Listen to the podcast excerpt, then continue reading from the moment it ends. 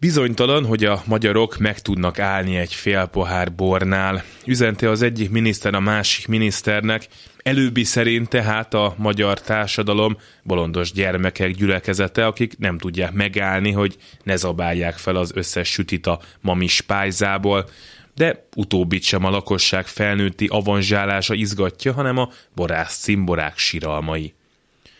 Abból, hogy a politikai és értelmiségi elit csecsemőként tekint a társadalomra, egy csomó rendkívül káros dolog következik. A kék plakátok, mondván, hogy az állam dolga az emberek szájába rágni, hogy mit gondoljanak a világról, a progresszív társadalom mérnökösködő törekvések, amik szerint az embereket edukálni kell az egyetlen helyes viselkedésre, de ezért diktálja le a kormány a pedagógusoknak betű szerint, hogy mit kell tanítani, nehogy már saját gondolataik legyenek, és azért kellett a járvány alatt maszkban járni az üres utcán, mert a hülye magyar az nem okos svéd, ergo nem tudja megkülönböztetni a zsúfolt bevásárló központot egy kihalt parktól, ahol csak mókusok vannak. Miközben az állam plakátjaival és szabályaival igyekszik irányba helyezni a gyermetek lakosságot, a dolgát persze nem végzi. A már említett miniszternek volt képe a cigány gyerekek létezésével magyarázni, hogy miért romlott a diákok szövegértési képessége, hiszen a 13 éve szinte folyamatosan kétharmados felhatalmazással bíró kormány helyett nyilván a 14 éves Lalikának kellett volna felszámolnia a szegregációt, és közben megtanítania magát olvasni.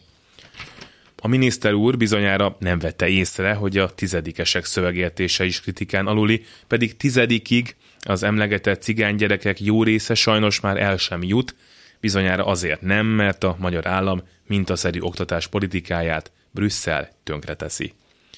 És akkor térjünk vissza a zéró toleranciához, mert hiába írják bele a szabályokba, hogy a magyar sofőr egy pohár sör után sem tudja megítélni, hogy képes-e a vezetésre. Itt a sofőrök százai, ezrei, ki tudja, indulnak majd útnak ma este is, mert pontosan tudják, hogy nincs elég rendőr ahhoz, hogy a külvárosi kocsmánál is szondáztasson valaki. Miközben a magyar állam a főpolgármesterrel veszekszik azon, hogy kinek a dolga lenne kitenni egy állandó kamerát az Árpád hídra, ahol potenciális gyilkosok száguldoznak 170-nel állandóan.